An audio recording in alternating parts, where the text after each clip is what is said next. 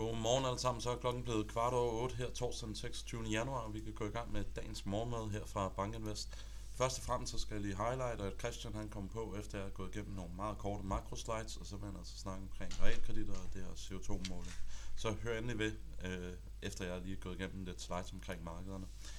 Først og fremmest, hvis vi ser på S&P 500 i går, jamen, så var det altså en dag, hvor vi i den grad fik vendt nogle meget kraftige fald til faktisk flade afkast og næsten stigninger. Vi havde S&P 500, det åbnede op med et fald på næsten 2%, men det blev altså vendt efter, at vi lukkede det europæiske marked ned, og vi så altså som sagt, at indekset det sluttede stort set fladt på dagen. Dykker vi lidt ned under overfladen og ser på, hvilke faktorer var det, der rykkede, jamen så kunne vi altså se, at det var en meget, meget kraftig outperformance af value-aktier, vi var vidne til. Vi så også en svag defensiv rotation, hvor de defensive aktier outperformede de cykliske aktier, og så så vi en svag outperformance af small cap versus large cap generelt er det altså ikke de helt store faktorbevægelser, vi er vidne til, hvis vi lige ser bort fra value i øjeblikket.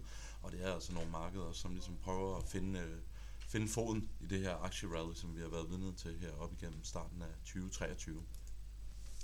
På makrofonden så fik vi et meget interessant IFO, hvor vi så et meget, meget kraftigt hop op i forventningskomponenten, og det indikerer altså, at vi ser en europæisk, eller i særdeleshed en tysk fremstillingssektor, som lige så langsomt begynder at blive alt mere optimistisk på vækstudsigterne for 2023. Så det er altså et positivt tal, som også er med til at understøtte generel risikovillighed i markedet. Så fik vi her fra morgenstunden nogle opdaterede boligpriser fra Sverige, og det er jo ingen tvivl om, at det svenske boligmarked i den grad er under pres i øjeblikket. Og vi kan altså se, at det brede indeks, altså det, der dækker hele Sverige og alle hustyper, jamen det er altså nu faldet til det laveste niveau siden november 2020. Så hele 2021-opgang, den er altså forsvundet. Og det illustrerer som sagt bare, du har en riksbank, der ligger og hæver renten, du har et boligmarked, som i høj grad er finansieret ind i den korte ende af kurven, jamen det ligger altså og presser i den grad det svenske boligmarked. Hvad kommer der til at ske her fra morgenstunden? Jamen først og fremmest har vi set, at Hongkong det er åbnet op efter det kinesiske nytår. og Det byder altså på rigtig, rigtig flotte stigninger i Hongkong her fra morgenstunden. Så kom tester med regnskab efter luk i går, og der så vi altså, at aktien den steg med små 5%.